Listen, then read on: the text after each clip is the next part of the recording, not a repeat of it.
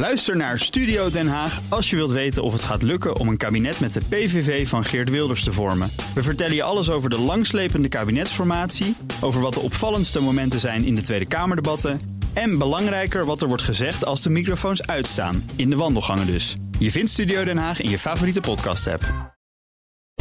BNR Mobility wordt mede mogelijk gemaakt door ALD Automotive en BP Fleet Solutions. Today, tomorrow, together. BNR Nieuwsradio. Mobility.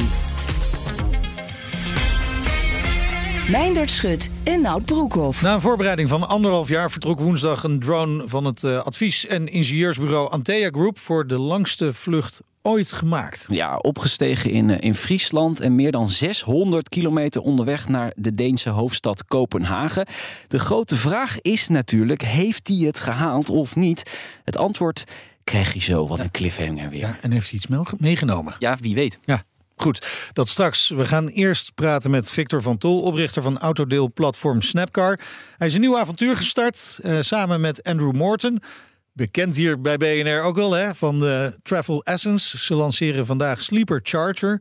Dat is een booking site speciaal voor elektrische rijders. Welkom Victor, leuk dat je er bent. Dankjewel, leuk om weer te zijn. Ja, wij, wij kennen je natuurlijk van Snapcar, hè, waar je anderhalf jaar geleden afstand van hebt genomen. Ja begon het toch allemaal weer een beetje te kriebelen. Je moest iets doen. Ja, het is een beetje het bloed waar het niet kruipt gaan. Uh, kruip, wat is het? Bloed ja, kruipt waar het niet gaat gaan. Dat, ja, dat is het. Ja. Ik had me voorgenomen om een tijdje niks te gaan doen, maar dat is jammerlijk mislukt. Dus ik heb geloof ik twee maanden niks gedaan. En toen liep ik uh, letterlijk Andrew tegen het lijf die bij mij in de buurt woont. We kennen elkaar niet, maar we hadden een gedeelde passie voor elektrisch rijden. Bleken allebei uh, Tesla-rijders van het eerste uur te zijn. En liep eigenlijk altijd alle twee tegen hetzelfde probleem aan. Namelijk als je op vakantie wil met je elektrische auto, hoe vind je dan een hotel met een laadpaal? Uh, ja, en van het een kwam het ander. En voor je het weet hebben we samen een bedrijf begonnen. En dat lanceren we nu nee, vandaag. Maar, maar even voor de duidelijkheid. Andrew Morton van Travel Essence... die regelt reizen naar Australië en Nieuw-Zeeland. Ja. Maar heeft hij daar dan hetzelfde probleem met elektrische auto's? Of gaat het toch allemaal iets meer lokaal? Nee, totaal niet. Dat is echt een hele andere business. Ja. Uh, dat is speelt zich af in Australië en Nieuw-Zeeland. Uh, dus nee, wij richten ons ook op Europa. Okay. Met Nederlandse EV-reizigers of Duitse of Scandinavische EV-reizigers willen op vakantie. Naar over het algemeen het zuiden van Europa. En dan kun je natuurlijk prima laden onderweg, althans steeds beter. Maar wat je natuurlijk eigenlijk wil is laden op je bestemming. Net zoals je liever thuis laat dan onderweg. Wil je laden bij je hotel en de ja. volgende ochtend weer opgeladen. Uh, letterlijk en figuurlijk. Letterlijk en figuurlijk, zelf opgeladen in je auto.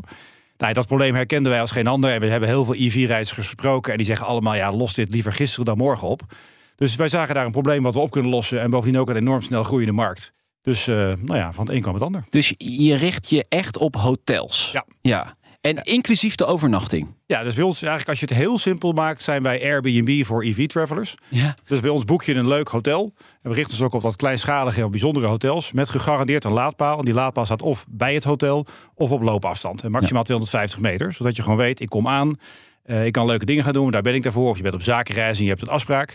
Auto aan de lader en uh, probleem lost zich op. Ja, je zei het net al heel even kort. Um, dit komt uh, voort uit een persoonlijke frustratie. Ja. Ik wil die frustratie toch even horen. Geef er even een voorbeeld van. Ja, natuurlijk bij veel ondernemers is dat persoonlijke frustratie. Geldt Ja. ook voor mij. Um, en uh, ik, heel veel mensen die nu luisteren, die zelf een, een EV rijden, zullen het ook herkennen. De concrete aanleiding voor mij was dat ik vorig jaar met mijn zoontje Luc van 11 naar Winterberg ging. Ik ging een weekendje skiën. Ja. We waren daar eerder geweest en we wisten dat bij Hotel de Brabander, een pannenkoekenrestaurant, een Tesla Destination Charger was. We dachten, mooi, we komen eraan, laden hem op. En opgelost. Nou, wat bleek? Die was kapot. Dan denk je, nou oké, prima. Er zijn nog wel meerdere. Bij de Lidl, de supermarkt, was ook een lader. Dus wij daarheen gereden. Daar stond een kerel met notabene een hybride. Die had hem geparkeerd en was lekker gaan skiën. Dus daar konden we ook niet laden. Ja. Nou, ondertussen werd mijn zoontje steeds zagrijniger. en de accu werd steeds leger. Want het was koud. Hè? Dus die Ja, vier ja, ja, ja, ja. dan wordt die Helpt steeds minder vol. Ja. Toen kwamen we naar een ander hotel waar we dan wel een laadpaal gevonden hadden. Waar ik vervolgens niet kon betalen, omdat ik geen Duitse laadpas had. Heel veel gedoe, app downloaden, eh, contactcenter bellen. Nou, toen heb ik een uurtje kunnen laden, was natuurlijk niet genoeg. Nee. Toen naar mijn eigen hotel, daar heb ik de eigenaar gevraagd... mag je de kerstverlichting er even uittrekken, de haspel... om een auto aan de normale stroom te hangen. Nou, met 8 Verschrikkelijk. km per uur duurt het een hele nacht. Ja. En toen had ik eindelijk genoeg stroom om weer de supercharger op de weg terug te halen. Nou ja. Ja, dat leidt enorm af van het vakantieplezier wat je hebt. En de bonding met mijn zoon in dit geval. Je wil gewoon daar niet over na over denken. Je wil gewoon van tevoren weten. Ik heb een hotel, er staat een laadpaal, die doet het. Die past op mijn auto, ik kan er betalen.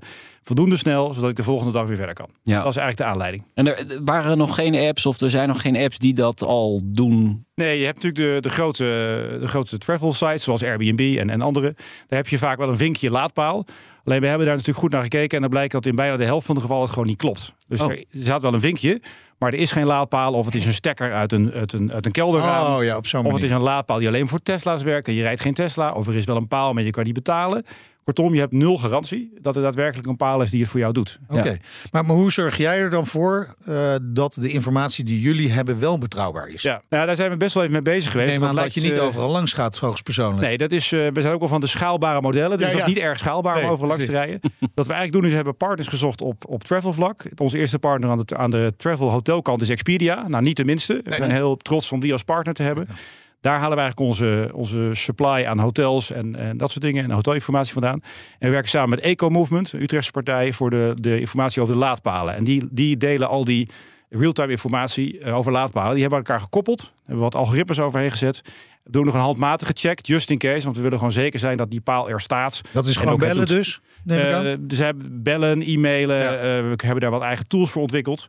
Eh want ja, voor ons is het allerbelangrijkste als je bij ons een hotel boekt, dat je gewoon zeker weet, er is een lader en Ja. die doet het. Ja, en hoeveel hotels met laadpalen hebben jullie nu in kaart gebracht? Nou, dat gaat best hard, in alle bescheidenheid. We hebben er 60.000 in Europa ondertussen. Zo. Waarvan er 10.000 met de laadpaal bij het hotel en 50.000 op loopafstand.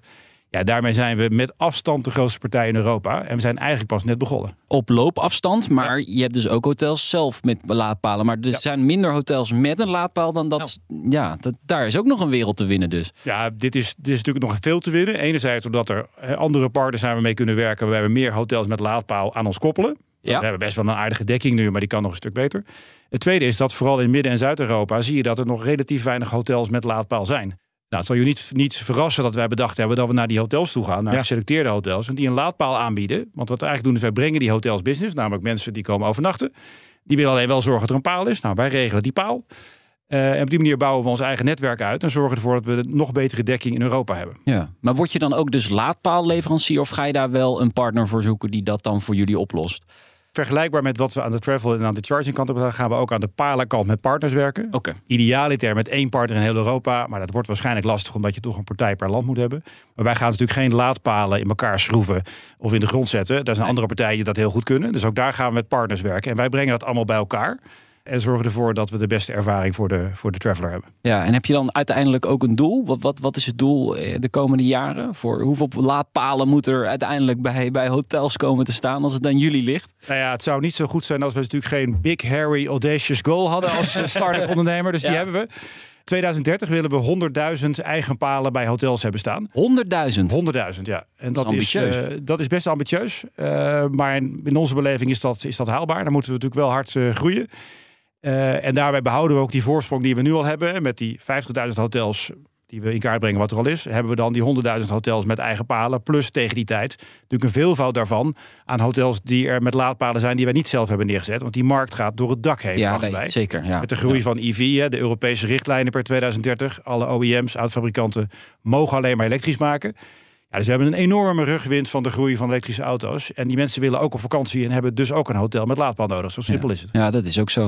Ehm, z- zijn die hotels daar ook gevoelig voor? Is dit iets waar ze in mee willen? Eh, hebben ze misschien meer expertise nodig op dat vlak? Die kun je natuurlijk ook bieden. Ja, de hotels die wij tot nu toe gesproken hebben, die, die eh, ontvangen ons met open armen. Eh, want die willen natuurlijk uiteindelijk een betere bezettingsgraad van hun hotel. En wij brengen hun uiteindelijk business reizigers. Eh, nu al, omdat wij mensen via onze site naar hun hotel brengen. Maar zeker als wij zo'n laadpaal daar neerzetten, bouwen we weer een, boren we een hele nieuwe doelgroep aan voor hotels die nog geen laadpaal hebben. Dus die zijn er enthousiast over. En de tweede is dat we eigenlijk een probleem van hun bord halen. Want zij vinden het natuurlijk maar lastig. Hoe werkt dat met zo'n paal? Wat kost dat dan? Wat voor paal moet ik hebben? Hoe werkt dat dan? Nemen we allemaal van ze over. En zeker kleinere hotels, tot zeg maar een kamer of twintig, vinden dat heel lastig. De grote hotelketens vogelen het nog wel uit.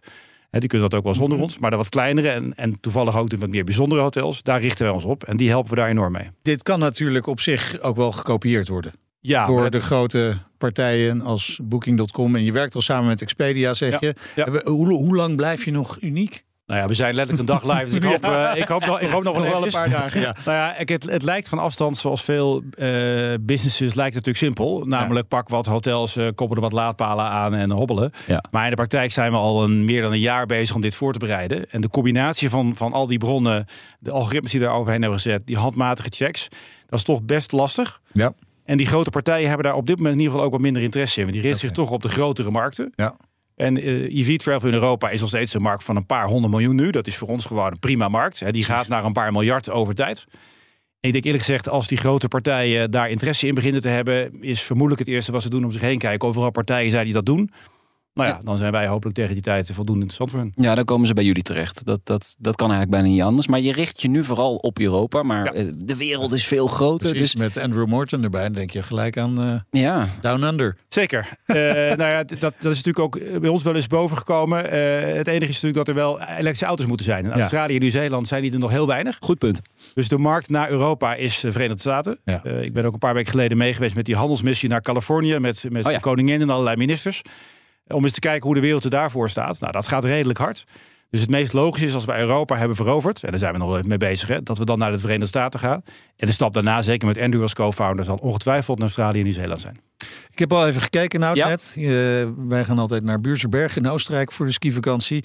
Nou heb ik nog geen elektrische auto. Komt misschien in de toekomst, maar er is wel één locatie. In Oh, kijk aan. Kijk aan. Nee, ik vind het eigenlijk best wel een briljant idee. En eh, ja, we gaan natuurlijk volgen hoe het, eh, hoe het zich ontwikkelt de komende jaren. En ik nodig jullie vooral uit om een elektrische auto te gaan kopen. Ja, maar even nog één vraag, hè, Ja. want je moet er ook komen op die Ja. eindlocatie. Is- Zit dat ook nog, ga je dat nog koppelen? Dat, dat je ook nog de route er naartoe eh, de juiste laadpaal kunt vinden? Zeker. Wij, kijk, wij geloven in focus. Dus wat we nu doen is we willen gewoon de beste partij zijn in hotels met gegarandeerde laadpaal. Inclusief al die informatie over die palen. Op dit moment gebruik je nog andere eh, tools en apps om daar te komen. Want je moet natuurlijk onderweg wel een keertje laden. Ja. Maar op termijn is het natuurlijk heel logisch dat wij EV-trips gaan aanbieden. Waarbij je meerdere hotels kan boeken. En de weg er naartoe. En activiteiten en allerlei andere mooie dingen. En de laadpaal reserveren gelijk, ook fijn. Zeker, als wij die eigen, palen gaan uitrollen waar ik het over had, dan is natuurlijk een van de voorwaarden dat je de paal zelf kan reserveren. Eh, en nu doen we een verzoek naar het hotel, maar uiteindelijk wordt dat het reserveren van de paal. Dus ja, ik nodig iedereen die luistert uit met een elektrische auto om voor de herfstvakantie of de kerstvakantie of een zakenreis de komende tijd gewoon Sleeper Charger te proberen. Want nogmaals, we hebben nu al 60.000 hotels waar je, waar je terecht kunt. We gaan, we gaan het in de gaten houden in elk geval. Dankjewel. Victor van Tol, medeoprichter van Sleeper Charger. BNR Mobility.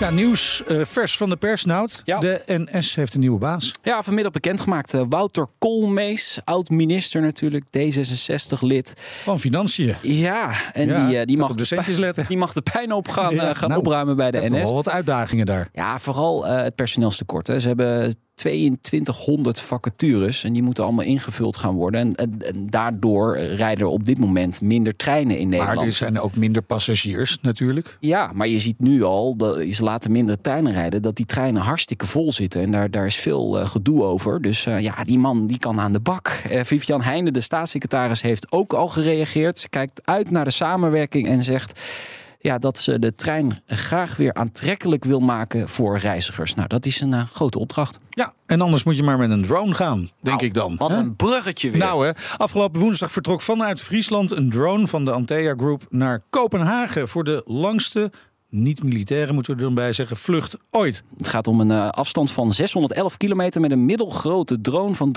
3,5 kilogram. Die een snelheid van 60 tot 70 kilometer per uur haalt. Kijk aan, en Roel Brandt is eh, projectmanager Drones and Urban Air Mobility bij de Antea Group. En net terug uit Kopenhagen. Ja, dat klopt. Dat klopt, welkom, leuk dat je er bent. Nou ja, gelijk maar even met de hamvraag beginnen. Heeft hij het gered? Is het gelukt? Ja, zal het nog lang spannend houden. Nee, hij heeft het, eh, hij heeft het zeker gered. We waren, hadden daar natuurlijk alle vertrouwen in, maar het is gelukt. En ook alles volgens plan verlopen? Of, of zijn jullie veel obstakels tegengekomen? Ja, in de lucht ongetwijfeld niet letterlijk obstakels, maar die zitten misschien meer op papier. Eh, ja, nou, we hadden veel obstakels eh, aan de voorkant. Hadden we ook voorzien. Dat de voorbereiding eh, veel tijd zou vergen. En onderweg ging het eigenlijk heel vlekkeloos. Maar er zijn altijd wel bijzondere dingen die gebeuren. Zoals? Nou, bijvoorbeeld in Denemarken is het jachtseizoen net begonnen. Dus er stonden mensen O op jee. vogels te schieten op de plek waar wij wilden landen. Hey, nou, daar hebben we wel even een gesprekje met de mensen gehad van prima, richt op de vogels, maar laat Ja. de drone even met rust. De drone is niet uit de, uit de lucht geschoten. Nee, gelukkig nee, nee, niet. nee. Zat, zat er iets eh, in die drone waar jullie mee onderweg waren? Een pakketje of iets eh, Eh, dergelijks? ja, zeker. Het was eigenlijk een dronebezorgingsvlucht. We hebben een, eh, eigenlijk een kunstwerk van de kunstenaar Bonnie Dijkstra. Dat is een Friese kunstenaar. Eh, dat hebben we gebracht naar ons eindpunt in Kopenhagen. En dat was het, eh, het Museum voor de Moderne Kunst, Arken. Dat was ons eindpunt en die hebben ook ons eh, ontvangen. En dat is heel gebleven. Het is heel gebleven. Dus hun hebben dat stukje kunstwerk uh, pose, het, het, het, plaatsen ze ook in het museum. En we hebben van hun ook een stukje teruggekregen... wat wij dan weer in het Kijk. innovatiecentrum van een tegengroep plaatsen. Kijk, Nou, mooi. eh, Hoe hebben jullie precies de vlucht aangepakt? Want is dat eh, 611 kilometer gewoon in één keer doorvliegen? Dat lijkt mij best pittig voor een eh, drone. Ja, dat is voor een eh, civiele drone nog Ja. te pittig. Er zijn wel eh, allerlei experimentele drones die steeds verder kunnen. Maar we je wilden natuurlijk militaire drones die echt heel lang in de lucht Die- kunnen blijven. Maar daar hebben we het nu echt niet over. Ja, ja. nee, het gaat echt om de civiele drones. En ehm, wij wilden ook dit jaar vliegen. Dus dat was een andere restrictie. Ja. Als we nog vier jaar hadden, dan hadden we misschien met andere drones kunnen vliegen. Maar we hebben Ja. dus continu het evenwicht gezocht naar hoe kunnen we het nu uitvoeren. En een van de mitigerende maatregelen daarvan is, is dat we een kleinere drone gekozen hebben die al volledig gelicentieerd is. Ja, 3,5 kilo. En dus, dus je hebt het in etappes gedaan. Ja, we hebben in 35 etappes zijn we daar naartoe gevlogen. Dus elke etappe was ongeveer 20 tot 25 kilometer.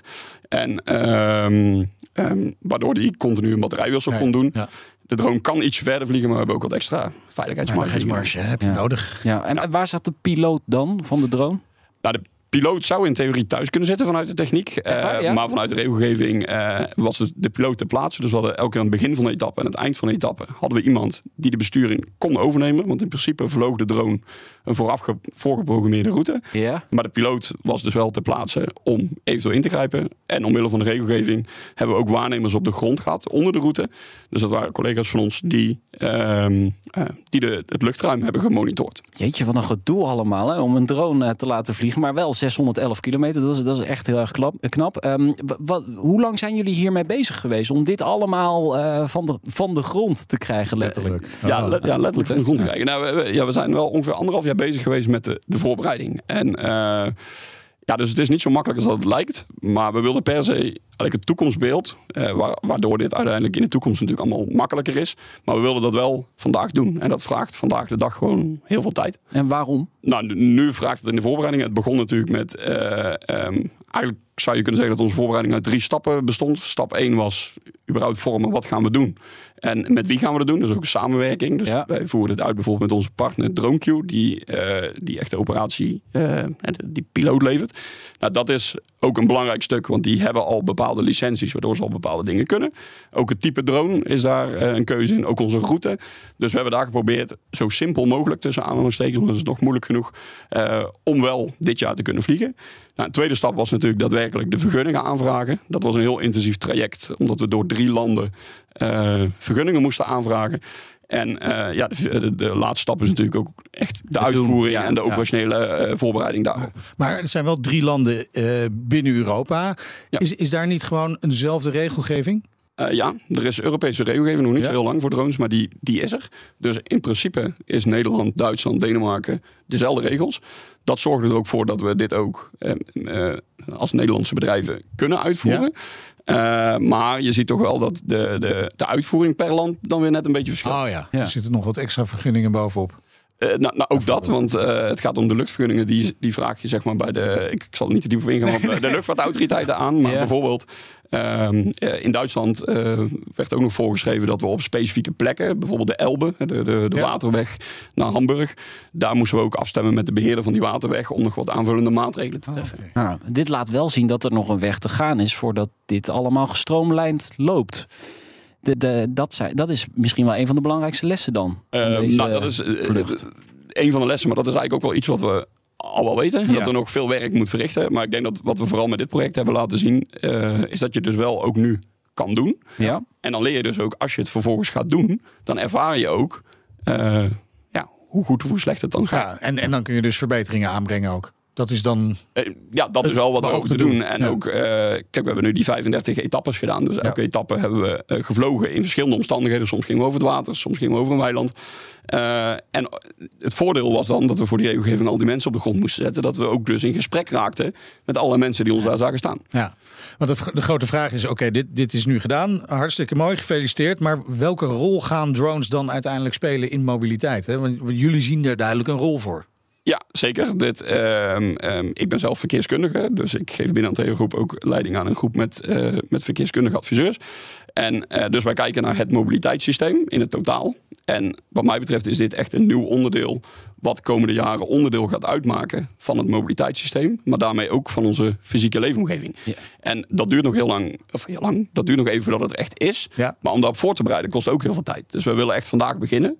Nou, we zijn ook onderdeel van een stichting, eh, dat hebben we mede opgericht, stichting eh, Dutch Drone Delta. Dat is bijvoorbeeld ook zo'n stichting waarin we samen met een aantal andere overheden, kennisinstellingen en bedrijven in Nederland werken. Aan hoe we dat urban air mobility, want zo noemen we dat dan, het, het vervoer en met drones, eh, hoe we dat mogelijk gaan maken. En daar helpt zo'n project als wat we eh, nu gedaan hebben. Ja, daar halen we dus leerpunten uit. Eigenlijk een stukje uit de toekomst. Ja, ja, En, ja. Ja, interessant. En ik denk voor de, korte, voor de korte afstanden is het allemaal eigenlijk al mogelijk. Maar als je echt langer wil gaan vliegen, dan zijn dit soort punten, ontheffingen, eh, Europese regelgeving, op elkaar afstemmen tussen landen, dat is gewoon heel erg belangrijk. Ja, dat is belangrijk. Maar het is ook, wat mij betreft, ook belangrijk dat we meters gaan maken. En dat het ook mogelijk gemaakt wordt. Hè, Als, als voorbeeld, wij, eh, wij doen ook in ons werk inspecties bijvoorbeeld van elektriciteitstracés. Nou, daar, daar krijgen we soms nu de vraag om 35 kilometer aan tracé in beeld te brengen. Dat doen we nu met een helikopter of heel moeilijk met mensen op de grond.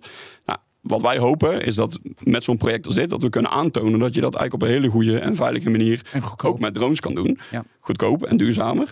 En ehm, eh, dus we hopen ook dat we bijvoorbeeld dan voor dat soort tracés we ook die drone kunnen gaan inzetten. Als je dat al een aantal keer gedaan hebt vanuit de monitoring, dan is de stap daarna om het met pakketjes te doen. En dan zal de eerste stap bijvoorbeeld de medische bezorgingen zijn.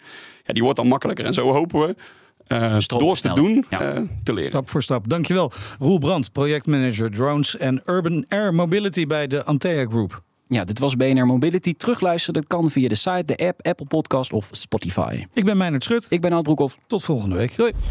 BNR Mobility wordt mede mogelijk gemaakt door BP Fleet Solutions en ALD Automotive. ALD Automotive. Ready to move you.